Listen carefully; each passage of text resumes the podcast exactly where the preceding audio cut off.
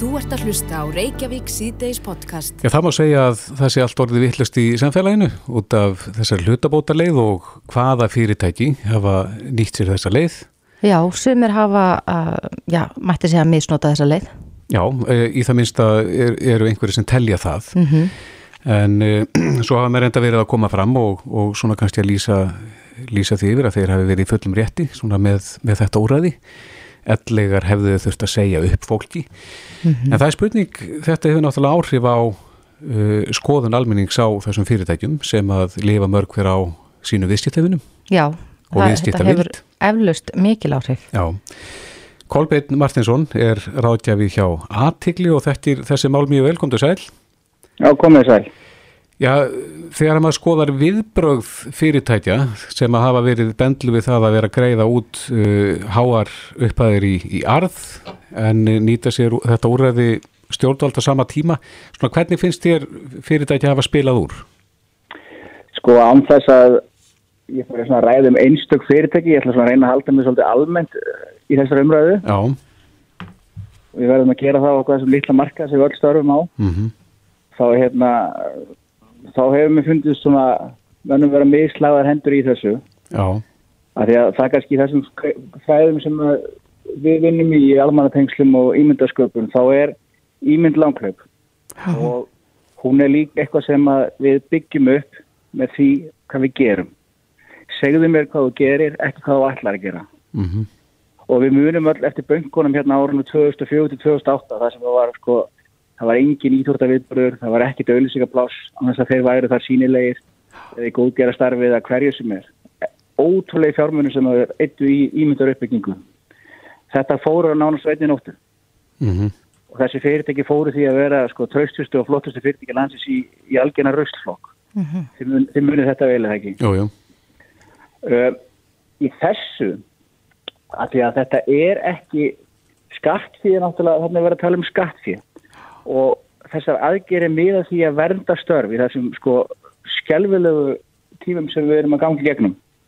Ég ætla samt að vera bjart sín það þetta að vera sólin skín og svona en hérna, það, það eru erfiði tímar, við vitum það. Og uh, þá segi ég að móti að maður þarf svolítið að horfa til langtíma. Því að til dæmis ef það er eitthvað sem hrunni hefur kent okkur þá er það syndir fortíðar í, hjá fyrirtækjum. Hvort sem það er hérna kennitölu skipti eða ljót framkoma við starfsfólk eða eitthvað slikt þetta kemur alltaf aftur og aftur upp. Og það, það getur verið tímabundi mjög gott það getur slegið á reksturinn uh, rekstarkostnaðinn með því að þykja þessa hlutabútaleið en þessi stjórnandi verða líka átt að sjá því að þó svo þið greiði sér aðra til tvö ár þá mun þetta elta þið skiljiði mig? Já. En ég, veit að almenningu skilur ekki sko þegar hann heyrir tölur á borðið sko fleiri, fleiri miljardar í hagnað að, að það sé ekki að nýta hluta af því í eitthvað, svona áföll eins og núna dinja yfir í rekstri. Jú, jú sko en það sem er, það sem er kannski sérstætt núna og það er líka þetta sem að hérna, við verðum svolítið að horfa í að, að þessi kreppa kom bara raunin eins og skrattinu söðurögnum yfir eina nótt og hún hefði lamað áhrifur allt samfélag. Þetta er algjörlega sko óþekkt, ég meina ábyggir ekstraðilar þeir skilja eftir kannski eftir peningan í fyrirtækinu en það, það er enginn gengið gegnum svona kreppu held ég sem 1929 að það er önni stöðvast öll hjól, það er allar stóðir allir tekjuströmmar stöðvast heila í mörg hjá mörgu fyrirtækjum, skiljiði mig. Þannig að þú veist við verðum líka svolítið að horfa á það en auðvitað er það þetta líka að við erum að horfa á rosalega tölur og ég segi það sérstaklega líka ef fyrirtækjum eiga eigi því um það snýsta, alveg eins og við bara hjá okkar heimilum að fólk hefur lagt fyrir. Og alltaf séðan að fara að nýta stuðningstjórnarda þá verða menn svolítið að horfa á það hvaða hagsmunum er ég að fórna? Er ég að fórna núna uppgjörinu næsta ársfjörðingi að þessu ári, þetta ári hvort ég farið til anskotan sjá okkur flestum eða ekki, Jú, að hérna er þá ekki kannski betra að horfa svolítið til langtíma og þá líka að horfa til þess að við vitum ekki hvað ástand væri lengi. Nei. En nú, já, eins og við tölum um áðan, þá hafa viðbröð fyrirtækjana sem er nefnt hafa verið, verið ólík og auðvitað er viðskipta vildin oft í húfi þegar að svona gengur yfir. Um, myndur þú segja að væri ein rétt leið? Annarkvort þá að, að uh, já, beðast afsökunar og, og, og skila þessu eða þá að, að halda þessu til streitu? það er náttúrulega bara matsatrið í, í hérna hvert sinn En það er líka mjög gaman að þú segja viðskiptavild vegna þess að hún er oft metin til fjár og færi til bókar sem eign, Mm skilur mig? Já, Uh, erum við kannski að horfa það að við munum keira hana niður, við munum sérstaklega fyrir hrun, þá var þetta nátt notarlega veðsetja fyrirtæki, þið munum því það ekki. mm En uh, grundu, grundvara dæmi er þetta að fyrirtæki starfa í samfélagi og ekkert fyrirtæki fær starfa nema almenningu vilji við kaupaði þjónustu. Já, en við sjáum það líka í gær að, að menn voru svona misnöggir til, það var eitt fyrirtæki eins og stjæljungur sem að ákvaða að, að já, þeir komi bara strax með viðbröð við þessu, Mm ákvaða að, að stíla þessum peningum og uh, ráða starfsfólki sitt aftur í 100% starf. Mm -hmm. Myndur þú segja að þessi svona viðbröð séu uh, almenningi skapa því við erum að tala um viðsýttavildina, við erum að tala um samfélagslega ábyrð að, að svona viðbröð séu rétt? Já, allt í gefnu að það er náttúrulega svo margar ólíkar aðstæðar sem geta spilast inn í, skilur mig. Mm En eins og þeirra tilfelli held ég að þetta hafi verið ágætlega að spila í haðin. Já, það er svona þitt mat sem ráðgjafa. Já, þetta er náttúrulega bara matsættri í hvert og eitt sinn sko, síðan ofta tíðum eru náttúrulega bara, eru, þó við heyrum ykkur tölur, þá getur náttúrulega líka eins og ég sagði, þetta er náttúrulega bara, það getur allir tekjuströmmar hafa búin að flotna upp og bara fyrirtækir orðin verulega laskuð. laskuð. Já, en svo erum við aftur á móti með á hinum endanum, þegar þetta ástand kemur upp að þá þarf að loka til dæmis eins og uh, það sem augljóst er í, í leifstöð, það sem að einhver farþegar er að koma í gegn, Mhm. þá stendur fyrirtæki frammi fyrir því að að þurfa að segja upp því starfsfólki og þetta var úrræði ríkisins til þess að viðhalda þessu ráningasambandi að bjóða upp á þessa leið þannig að, þannig að að grípur til þess að, að grípa þetta úrræði ríkisins Mm og farða síðan í hausinn svona síðar Jú, jú, og þetta er náttúrulega, við náttúrulega sáum það líka að fyrirtæki líka stukku mörg til og sögðu upp starfsfólki þegar ríki gekk inn í og bauðst þess að borga uppsagnarfrestin, einfalda vegna þess að fyrirtæki hefði kefnaði. Já, Það var ódyrra fyrir þeirinn að vera með á 25% og einhvern veginn þreja þorran, þannig að heldur hann að greiða út laun og láta fólki hætta strax eins og ofta skert. Myndur þú segja að þessi fyrirtæki sem að mörg hver umræði núna séu búin að ráða til sín ráðgef eins og þig til þess að, að tippa málunum í lag? Já, maður veit það ekki, einhverjir allavega. Já, Ég veit ekki hvort allir sem búin að, en jú, jú, auðvitað, alveg stór fyrirtækjum er það gert og, og, og það sem er kannski líka svolítið áhugavert í þessu er að ég held að sko, samfélagi muni breytast. Til dæmis er ég núna að taka þetta viðtal við ykkur í síma í staðin fyrir að koma niður á, hérna, á, er ekki ná Söðursbröð. jú, Uh, við erum búin að nota uh, fundar fjárfundabúna viðstöðlust. Vefvestin á Íslandi er búin að taka sko margra ára þróun, uh, frá færast áfram mörg ár. Mm -hmm. veist, þessi fyrirtæki verða líka horfin í þennan veruleika. þau eru ekkert að fara í sama umhverju og var hérna í janúar byrjun 2020. mhm, Það getur vel verið að hér verði bara, við séum að sjá núna þetta sem hefur verið kallað fjórða yfirbyltingin og fækkun starfa og sjálfvirknivæðing og annað slíkt. Við séum að þá sjá það að fara sko í algjörðan veldisvöxt. já, akkurat. En við verðum að setja punktin hér, eh, gaman að, að ræða þetta og, og frálegt. Kolbeitt Martinsson, ráðgjafi hjá Aðtegli Kæra þætti við þetta og góða helgi. Takk leiðis. Þú ert að hlusta á Reykjavík C-Days podcast. Reykjavík síðdeis heldur áfram. Í gær vakti aðtikli í fjölmjölum að, að eh, Jóhannes Þór Skúlason, frangatastjóri samtaka ferðarþjónstunar, já, sagði að neytendasamtökin væru að bjóða neytendum verri stöðu með því að eh, krefjast þess að neytendur fái endurgreitt en ekki innegnótu frá uh, ferðarþjónustu, Ferðarskristum. ferðarskristofunum, akkurat. Einmitt og þeir eru komnir hingað svona þess að fara yfir þessi mál á öndurum meiðu og svona hérna nýttu kóri annan hérna í gær en, en velkomnir félagar. Takk. Breyti Karlsson frá neytendasamtökunum. Uh, ef við byrjum að þér Breyti, ykkar málflutningur í þessu, réttur neytenda þegar það kemur að því að fá endugreitt frá ferðarskristof. Já, eh, lögin eru skýr að ferðarskjöfstofum ber að uh, endur greiða innan 14 daga pakkaferði sem ekki eru farnar frá aflýsingu ferðar og, og upp er hugmyndir einhverja sem vilja taka af neytendum þennan rétt og, og hérna uh, en kannski svona áður við byrjum að, að, að hérna, það eru það er ekki sama staðan hjá öllum ferðarskjöfstofum við heyrum af ferðarskrifstofum sem eru á endugreiða hérna uh, bara öllum sem, sem um það byggja með, með, hérna, fyrirvara þar að, að hérna, ferðir sem eru, eru á næstu dögum eða næstu vikum hérna, og, og gera það bara mjög vel og það er bara gott að þau, þær fara að lögum og, og, og hérna e, og verða réttindi neytinda og ég er alveg, alveg handvis um það að, að þegar öll þessi líkur þá munum við minnast þessara ferðarskjóðstofa með líhug og beina viðskiptum okkur þangað en svo eru þarna örfáar eða ekki örfáar, það er fyrir mér hérna, meiri hluti ferðarskjóðstofa sem er að býða eftir afgreðslu frumvarps sem er fast í þinginu eða fast í, í nefnd þar sem, uh, sem menni eru bara yfirleitt sammála um að gangi gegn stjórnarskrár uh, vörðum rétti fólks Eignarétti Eignarétti, það er þess að 70. önnur grein stjórnarskrárinnar mm -hmm. Og, og, og það, menn er alveg sammála um það held ég að, að, að hérna að að þess, þetta frumvarf fer ekkert í gegn svona að, að, að alþingi mun ekkert brjóta á stjórnarskrár vörðum rétti fólks mm -hmm. og við höfum verið að leita að leiðum og, og höfum í tvo mánuði núna átt í samræðin bæði við e, samtök aðala í ferðarþjónustu við stjórnvöld og, og aðra um það að, e, að hérna Að, að finna aðra laust því að, því að þetta er ekki, ekki svartkvít, þetta er ekki annarkvært eða, það eru til fleiri, fleiri en einleið til þess að flá kött eins og kannin segir stundum. Mm -hmm. og, og það, það þarf bara að finna aðra leið og við erum búin að reyna að velta upp steinum þar sem, uh, þar sem ekki þarf að brjóta á stjórnarskröni mm -hmm.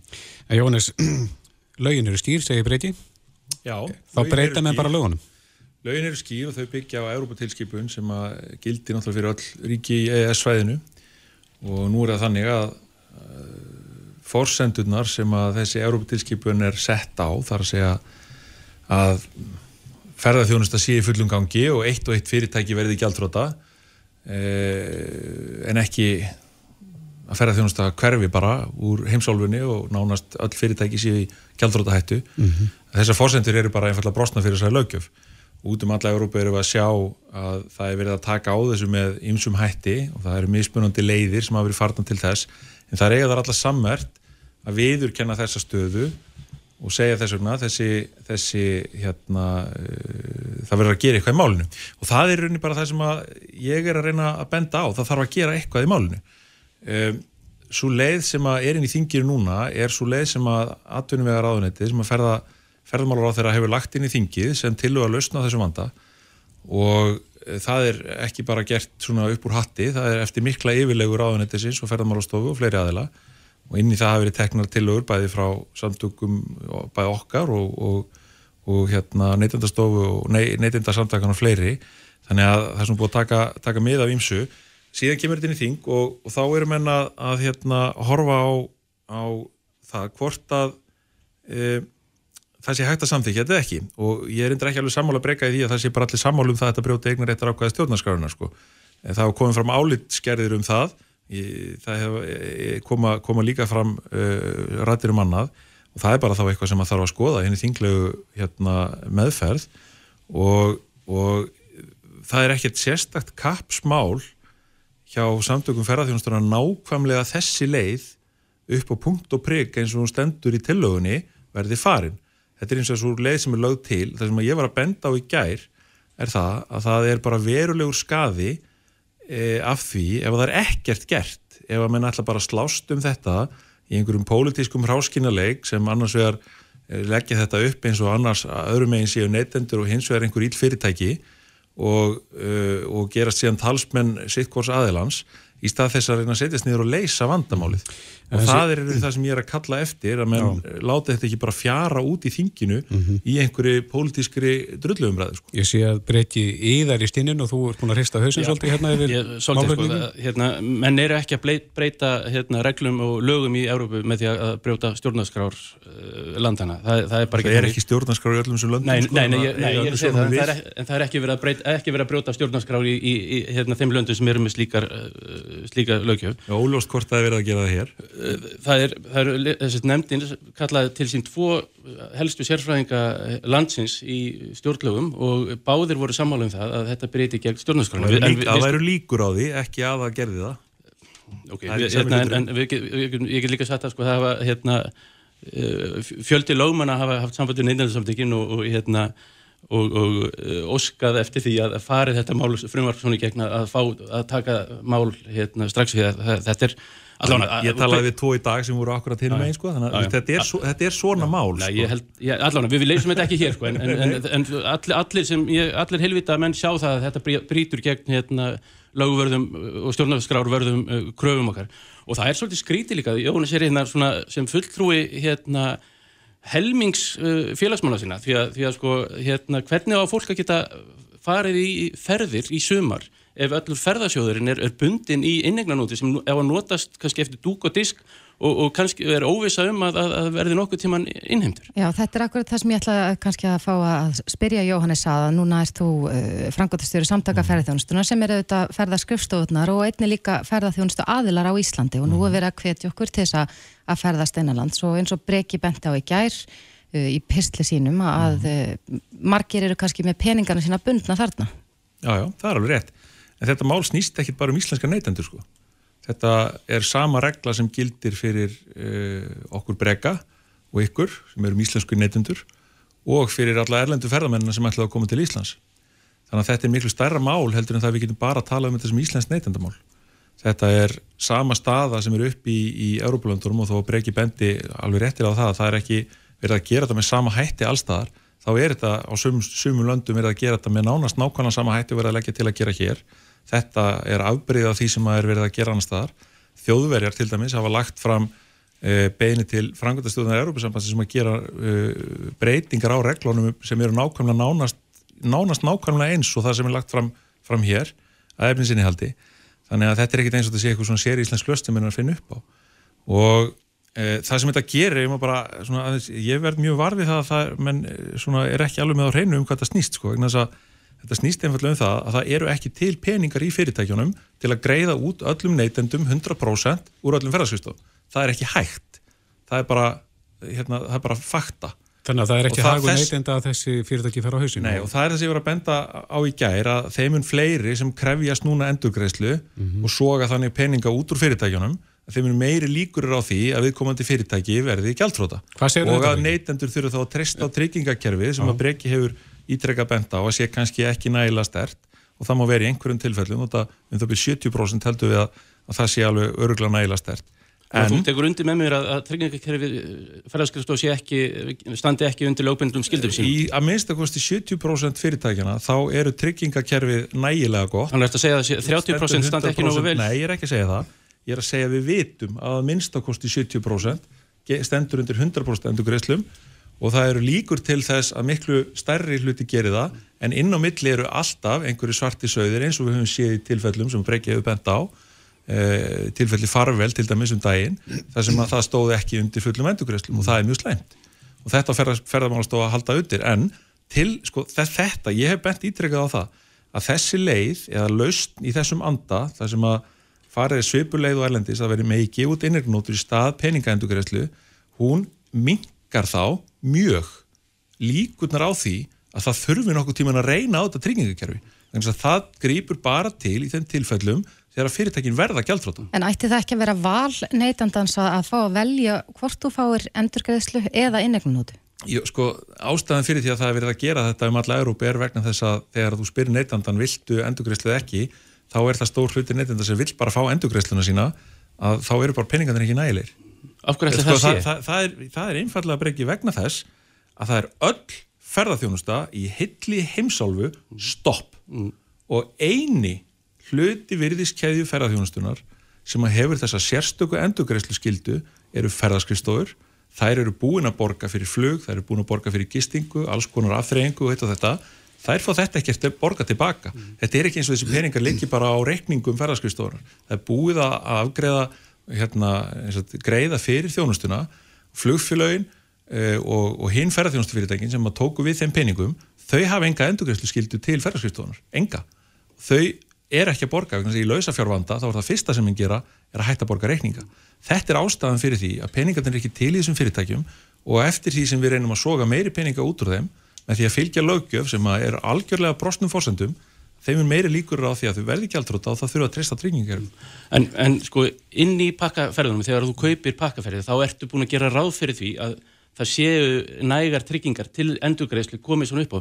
Þess vegna eru pakkaferðir yfirleitt dýrari heldur en ef þú ert að vasast í þessu sjálfur og, eru, og þú veist af þessum allavega, af þessum eh, tryggingum sem liggja hérna á baki, þú, þú ert tryggari. Ef þú ætlar að breyta eh, reglunum svona eftir á, hvernig er þá neytendur að trista mm. fyrirtækjum eftir þetta ef að, ef að eh, go-to aðferðin verður alltaf að, að kalla á lagabreitingar og afturvirkni og, og, og að, að hrifsa til sín réttindum og, og vörnum neytenda á, á óvissu tímum. Ég held að þetta sé eh, svolítið einföldur á málunum vegna þess að sko þetta, það, það er alltaf hvernig er það að treysta fyrirtækjum ef þetta er alltaf gert sko. Málið er það í fyrsta lagi þá er verðlagningin ekki þannig að, að hún sé það gríðarlega miklu meiri að marginan sé það stórkostlega að menn geti setið bara með peninga í, í, á einhverjum feitum bankabókum sko. Eh, þetta fer inn og lokaða reikninga og núna til dæmis liggja sumar ferðarskriðstofna kannski með 200, 300, 400 miljónir allt upp í miljard króna á bankabókum en þau megi ekki nota það því að það eru tryggingapenningandir. Það er það sem marginan fór í sko. Og það er það sem við höfum verið að benda endur, á. Já, vandamálið er sko ekki tryggingakerfið. Vandamálið er endur greiðslu krafan núna og það er það sem að þetta er verið að reyna að taka á að, að, að leysa þann bráðavanda en þess að annars þá þurfa neytendur sem ekki hafa fengið núna greitt, þeir eru þá í verri stöðu þurfa þá að treysta á tryggingerfið ef þeir fá jafnveg þótti fái full borgað þá tekur það einhverju mánuði. Við erum einmitt að, eina af okkar tillögum var einmitt það að lögum er breytt þannig að, að ferðarskjöldunum væri heimilt að taka veð í þessum tryggingum uh, hérna, til þess að greiða út uh, neytendum. Og, og það væri náttúrulega einfaldasta leiðin því að sko, hérna, þegar þú ætti viðskiptu við einhvern, þá, þá hérna, auðvitað við skiljum og við sínum skilning og, og, og hérna á, á stöðinu, hún er náttúrulega afleitt fyrir, fyrir alla í, í heiminum og, og hérna við erum öll í þessu, það má ekki gleyma því heldur að neytendur er líka í þessu fjórðungur Íslandíka eh, á vinnumarkaði hafa orðið fyrir skerðingu á viðværi sínu. Annarkvært er á hlutabótaliðinu eða hafa jafnvel mista atvinni sína. Að, að færa lausafjór vanda neytand, nef, færa laus, lausafjór vanda ferðarskristofi á herða þessa fólks er bara ekki bóði við verðum að finna aðra leið í honum við verðum að, að finna leið þar sem ekki er nýðst á neytandanum og það sem, það sem við getum bæði hérna, ferðarskjöfstofunar og neytandin eh, hérna, komast frá borði hérna, sáttir og, og, og gladir Gallin er að svo leið er bara ekki til sko. það, það, það, er það er engin fullkomi löst í málum Það er ekki fullkomi en það er mikilvægur sem ekki þarf að brjóta stjórnarskrána. Breki, þið hefði talað um dönskuleiðina uh, út af hvað gengur hún? Sko, danska leiðin er, uh, kannski, hún er, hún er þannig að, að þið, í Danmörku er, er tryggingakerfi, það sem er eitt sjóður það sem allar ferðarskrifstofur uh, uh, borga í. Uh, við erum með öðruvísi kerfi hér, við erum með sértrygginga, það er að segja hver, hver ferðarskrifstof tryggir sig sjálfa og, og sem er náttúrulega eins og, og ætti nú kannski að vera okkar næsta barátum á lífunum að, að breyta því að það er bæði dýrt og, og hérna, kerfi og óhagkvæmt.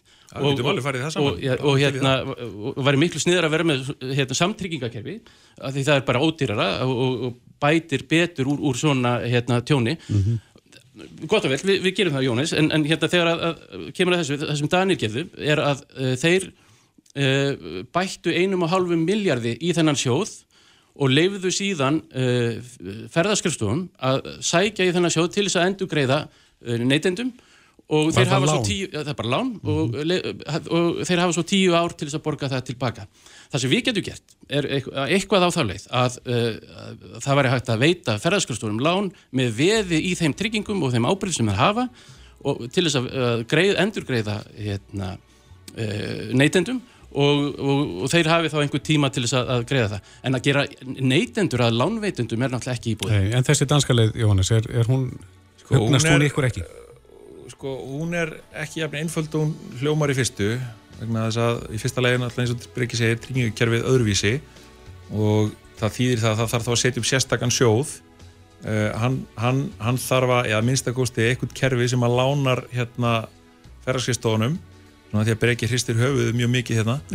Uh, að uh, þú þarf þá að setja upp eitthvað svona lánakerfi einfaldilega leginn til að gera það er þá bara að, að setja það einhvern veginn upp þannig að ferðarskriðstofna geti lánað, hvort það er hægt að setja veði í tryggingakerfin, ég er ekki, ekki við sem um það sé hægt, það er mjög ídalega skilgjörn hvað, hvað það er.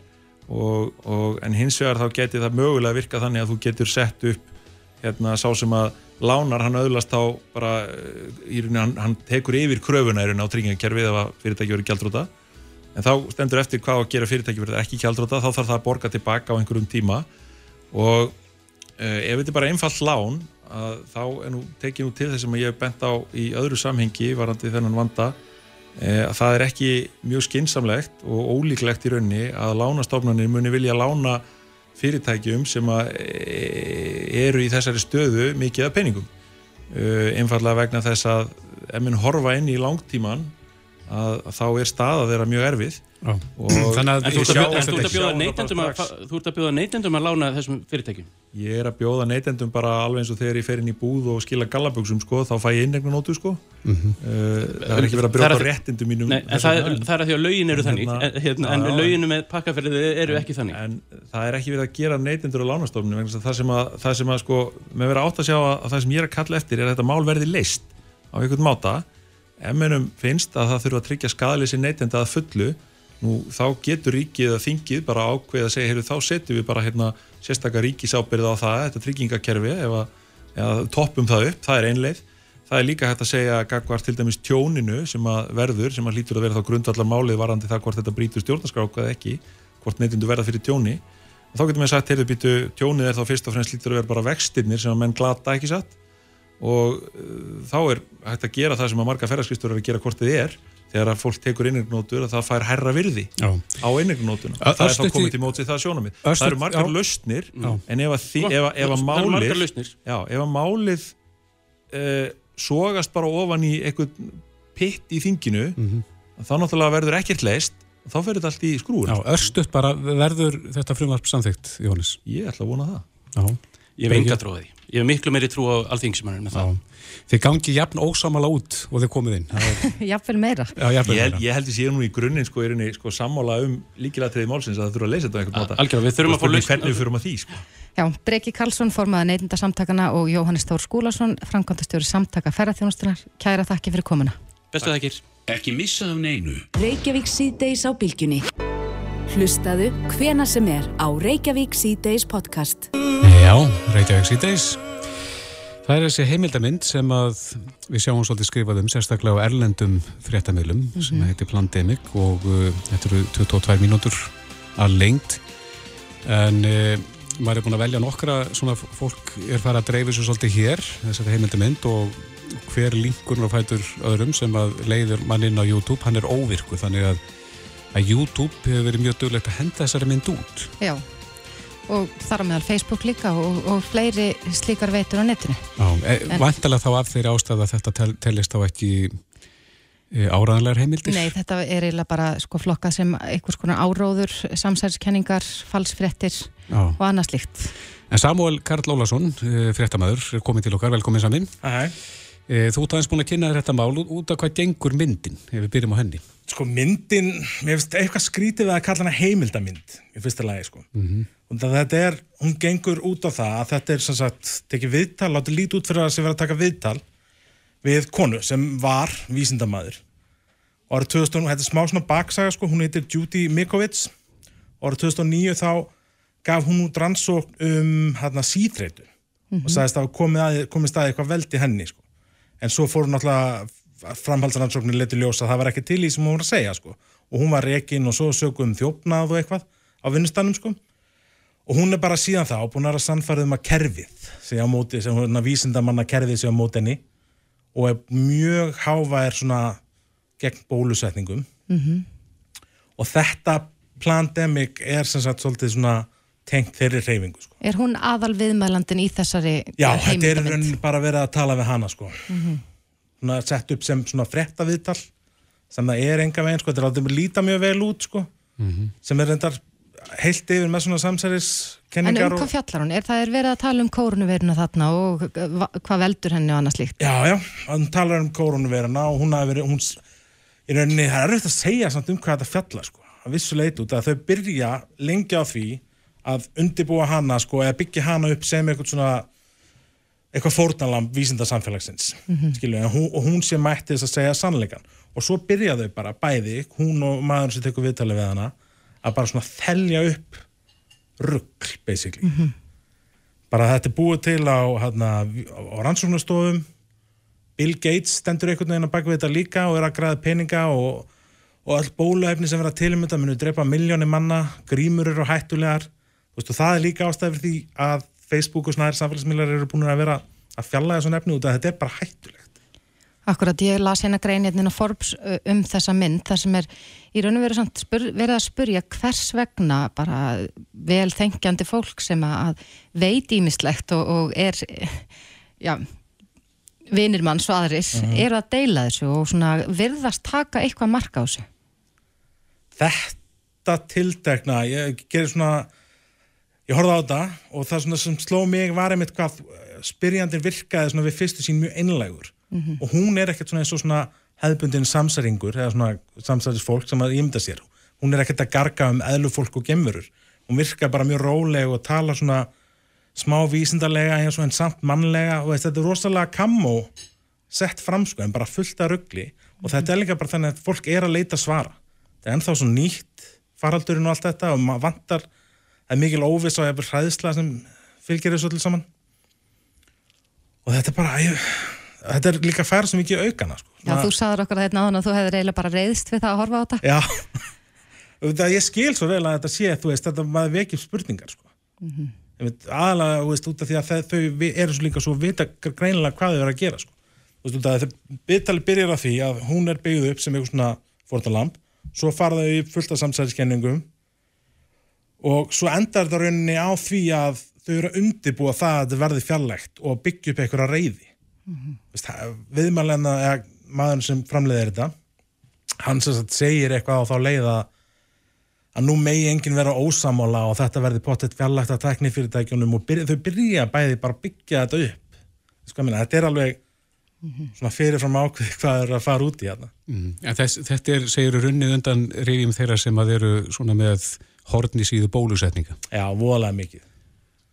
Voðalega mikið þannig. Og, það, veist, og eins og 5G og við talum líka áður við byrjuðum. Mm -hmm. þetta er svolítið tengt því og þessi umræð hefur líka alveg áhrif sko, mm -hmm. sem sést kannski besta á 5G málunni öllu saman. Og það er ennabla undanfarnar vikur búið að vera dreifingum fullt af sam, samsæriskenningum um það að rafbylgjur eða útarsbylgjur frá 5G sendum valdi jafnvel COVID-19 mm -hmm. og það er búið að vera kveikja í fjarskiptamöstrum viða í Evrópu og og hóta og jáfnvel ráðast á starfsfólk fjarskipta fyrirtækja og eins og eitt mastur í Breitlandi sem var brent það var bara fyrir viðbrastæðila og sjúkrás skiljuðu þannig að það veist, það að fólk sé að dreifa þessu og spá í þessu hefur getur alveg haft afleðingar sko. En nú, þú, nú starfar þú í, í, í fréttaflutningi. Um, hvað á fólk, á fólk að leita einhverju sérstökum vísbendingu þegar það er að skoða eitthvað á netinu? Hvernig ámar gangur skuggum að þetta sé já, bull mögulega eins og þessi mynd eða bara raunverulegu frétt, fréttaflutningur? Það er í rauninni kannski klísukjönt svar en voðalega einfalt. Bara kannar raunverulega fjölmila oft, mm -hmm. oftar en ekki sko. Veist, það er hægt að googla sér til það er ekkert mál, það er, veist, og bara en notast við trúverðu að vera heimildir sko mm -hmm. og bara hugsa hlutin út frá gaggrinu hugsun sko að báða mm -hmm. vegu En það að það sé fara að flytja meiri fréttir af þessari mynd kannski gefur til kynna að hún er að fá smá útbreyslu. Já, já, hún er búin að vera mikil dreifingar á Facebook sérstaklega. Allir svona hlutir eru dreifast voða mikið í hópum á Facebook mm -hmm. og fyrir þetta er bara rauninni það sem fólk mætir með fyrirframótaða skoðanir inn í þessa hópa og deilir efni svona sína milli sem bara í rauninni byggir undir það. Mm -hmm. Og þar er þetta aðalega búið að vera í dreifingu en Facebook hefur búið að vera reyndar mjög virt með að fjallæga svona efni Já. síðan faraldurinn hófst. Og það segir kannski sitt þegar að svona stóri miðlar eru fannir að fjallæga efni á borðu þetta. Ég hugsa það, allavega til lengri tíma sko, en það er bara náttúrulega þetta er svona svo mikið, ég, eins og þetta átt að hafa verið fjallægt á YouTube, ég var ekki halva, halva mínutu að finna það í dag sko. Mm -hmm. akkurat. Samuel Karl Ólason, uh, fréttamaður, kæra þætti fyrir komina. Takk. Þetta er Reykjavík C-Days podcast. Jú, ég er hérna eh, statur, já við getum sagt út í umferðinni því að uh, það er nú eitt af því sem er verið að ræða núna í, já, í sumparti neyðar ástandi, það á að gefa heldur betur í samgöngumálunum og, og eitt af því sem að ennkennir þau fyrir hugðu verk er uh, náttúrulega ágærinningur um reksturinn á slíkum mannverkjum sem er á tekniborðinu vel flest uh, í dag en komast bráðlega til framkvæmda vonandi það er enga væring. Runnólfur Ólásson, fargaldastjóri félags íslenska bifræði en þú ert ekki hlindur því. Nei, nei, við vörum við þessum hugmyndum og það er svolítið einkennilegt að sangungur á þeirra fyrir auðvitað síðustu þingkostningar þá bæði kom hann sjálfu fram og hans flokkur og töldu alla leiðir í átta engavæðingu á vegakerfunu vera arfa slæmar en nú hefur tónin eitthvað breyst og í staðis að kalla þetta engaveðingu þá er þetta kallið samvinnuverkvæðni ég veit ekki hvort það sé eitthvað skýrskotun til sambands íslenskra samvinnufélag en, þetta er bara auknar álögur á bílegandur ofan á allt það sem undan er gengið. Þannig að við viljum bara sjá að þeir peningar sem innhendur eru úr vasa bíleganda séu nýttir til framkvæmda og við vitum það að þetta eru með arðsumustu framkvæmda sem hægt er að fara í og vera að búa til einhverja milliliði sem geta fengið rúlugjald út á hvern einasta bíleganda það er bara eitthvað sem við vörum sterklega við. Mm. Heyrur það á, á, á bíleigundum, nú, nú er svo saga alltaf sögð þegar kemur það svona lögð að e, það er ekki í annað því að fara, það er ekki, það er ekki annað í stöðunni, ætlum við að gera þetta hér og nú eða á næstu misserum árum? Jú, jú, þetta er alltaf sami tótnin í sjálfu sér og ætlum við að draga saman varðandi heilbreyðismáli eða eitthvað annað. Auðvitað er þetta alltaf spurningum hvernig þú raðar í ríkisfjármálunum en þetta er er, er verkefni sem hægt er að fjármagna til langs tíma með lántökum að hálfu ríkisjós og ríkið er í bestri stöðu til að fá ódýrast fjármagn. Það mætti hugsa sér jafnvel í sumum tilvíkum að fá til dæmis fjármagn í gegnum lífyrirsjöðakerfið og lána það á skaplegum kjörum en til lengri tíma þá er þetta stöðuar tekjur sem kom inn á móti. Þannig að þetta er bara eins og ef ég og þú erum að byggja okkur þakka fyrir höfuði við eigum ekki fyrir því á ögnablikinu þannig að við leitum þá ekki til leigusala til að leia húsnaði í staðin þannig að þess vegna eigum við auðvitað að hugsa til framtíðar. Þetta eru nöðsynja framkvæmdir þetta er hluta þessum svo kallu innviðum sem voru mjög vinsalir í umræðinni fyrir síðustu kostningar og við verðum að byggja undir það þegar við förum að taka aftur á mótið túristum og byggja undir það að tryggja öryggi vegfæranda tryggja öryggi okkar sjálfra á hverjum tíma mm. Hvernig líst þér á blikuna nú þegar að veirufjandin er dottin yfir þetta allt saman og, og, og þá breytist nú bókaldið.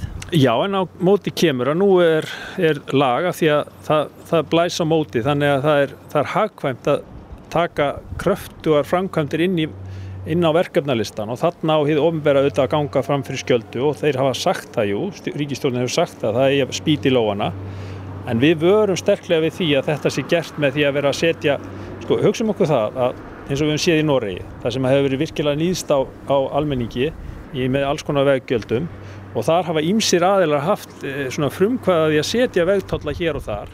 Þeir eru reyndar að reyna að ná auðvitaðnamöndi í dag. Í, sko, í, í e, svona alvarlegust tilvíkunum þá var 20% af innhentu veggjaldi sem fóru bara í kostna við að halda kerfin úti. Við erum að sjá það núna að samkvæmt tölum sem við höfum frá, frá alþjóðlegum stopnunum þá eru menn ekki að ná þessum kostnaði undir 30% að meðaltali. Og síðan kemur til viðbótar að ofan á veggjaldi leggst virðisaukaskattur sem er þá bara nýr skattur í ríkisjóð af umferðinni. Á vegum sem við höfum átt fram að þessu að því þá að nýta þá að hluta undir þessa framkvæmdir. Þannig að ég var að sterklega við því að vera að aðfenda vegin okkar til þeirra mögulega fjárglæfra manna eða braskara og við vegum bara eiga þessa vegi sjálf. Og það er hluti af, af kerfinu sem við erum að nota sem að verður að vera í samfélagsleiri eigu. Og á það benti Adam Smith á sínum tíma sem er nú svona uh, fadir frjálsíkjunar að hluti af, af kerfinu vegir og vassfeitur þarf bara að vera í eigu samfélagsins. Reykjavík síðdeis á bylginni Vinnudegi tekið að halla og við eigum það nú til svona vartugum í Reykjavík síðdeis að skjótast út undir bert loft og og virða fyrir okkur mannlífið og það, það er það er nú svona svona yfir lögadalina líta. E, auðvitað ungt fólk að, og börnir að leik og, og hústýragarðurinn og allt þetta en, en svo hittir maður menn sem er að koma úr vinnunni eins og Kára Eithvarsson einstaklings og fjölskyldur áðgjafa sem að e, er til frásagnar um það hvernig þjóðinni líður nú á, á e, síðustu og vestu eða viðsjárverðum veirutímum? Sæl Blessar, sæl Já, svona góðum tímum eins og eru framöndan mm. Já, ég, mörgun líður ekki vel, það er, það er nokkuð ljóst. En, en sem betur fyrir margir í þeirri stöðu að bara geta tekið mótlæti býstna vel og uh, þannig að þeim, sko, þeim líður betur. En, en þeir sem er í þessum hóp sem að líður ítla það, þetta er, ég hugsa að þetta verði aldrei stór hópur þegar yfir líkur sem við þurfum að huga alveg sérstaklega að. Og uh, við fórum ekki vel að okkur þarna í hruninu 2008 og 2009 og þar á eftir. Það er, það er ennþá daldið af fólki sem að, að náð ekki flugi eftir það og, og er í þrengingum og leigumarkaði og hefur einhvern veginn ekki náð að koma fótónum undir sig aftur. Og það verið skelvilegt ef við letum þetta gerast aftur. En nú uh, veit maður og að, að allt umkring að, að heyri maður það að, að það vissi engin af þessum, þessari óværu og uh, engin veit fyrir allt í einu eins og maðurinn sagði á, þek- á þetta eftir kannski að, að koma betur út þar að segja hvernig, hvernig þetta leggst í fólk bara almennt, þjóðina. Já, það, það, er, það er eftir. Timburmennir kom alltaf eftir. Og það, það er erfitt að átta sig á og mæla sko hvað er að gerast. Við getum séð einhver aukningu á innringingum til lögreglu eða eitthvað slíkt en, en sko líðan sem að, sapnast upp eins og í svona þrengingum margir er að lýsa því að þeim finnist þeir verið stofufangelsi og sé ekki frjálsir og einhverjir kvarta undan því þeir sé með innilokunni kenda því það er ekki hægt að ferðast og allt þetta. Og við megum ekki gera hluti sem við erum vöna að gera og, og, og þá náttúrulega skapast sko, svo skrítið ástand. Það, það, það verður til sko, þung líðan á fólki og stundum lendir í átökum og annað en þegar fólk er búið að vera vikum og mánuðu saman með þunga sko, líðan þá, þá þarf einhverstaðar þetta komast út.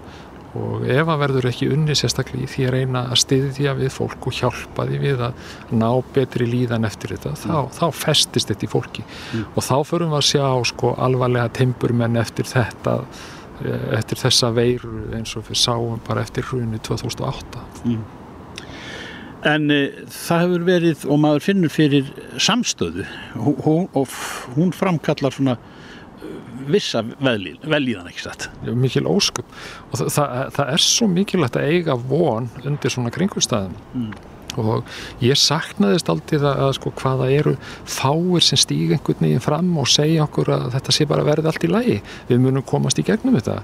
Það besta sem við getum fengið væri fólk sem er mjög mótiverað og getur uh, kvart aðra og sagt þetta sko þú veist að þó þetta taki eitt og þrjú ár þá verður passað upp á það að enginn verði eftir.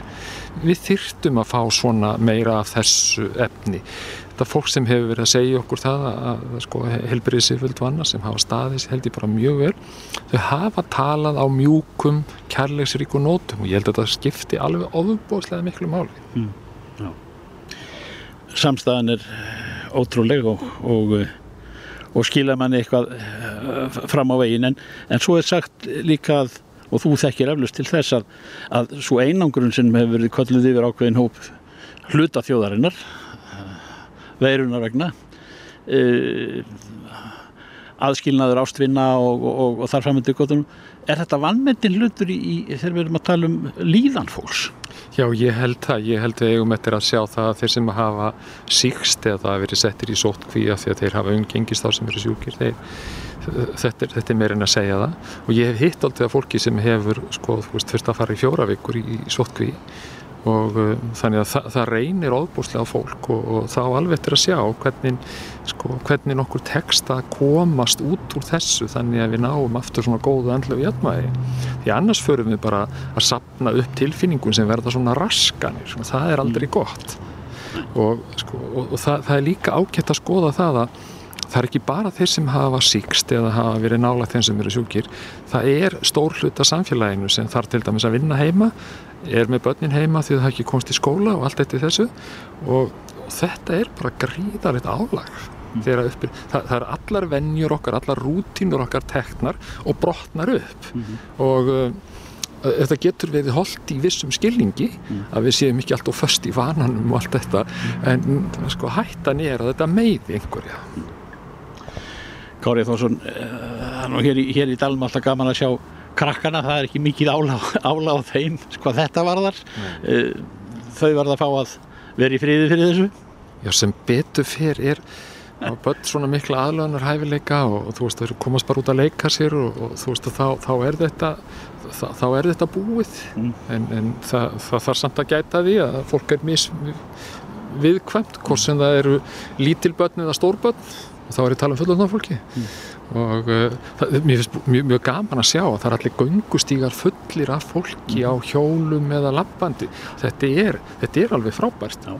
þannig að sko það er svo mikið til af kláru góðu fólki sem betur fyrr Kára Eithvarsson, einstaklings og fjölskyldaráðgjafi við höldum göngutúrnum á, áfram hér á göngustíl.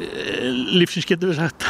Takk fyrir þetta. Takk sem leiðis Reykjavík síðdeis á Bilginni podcast.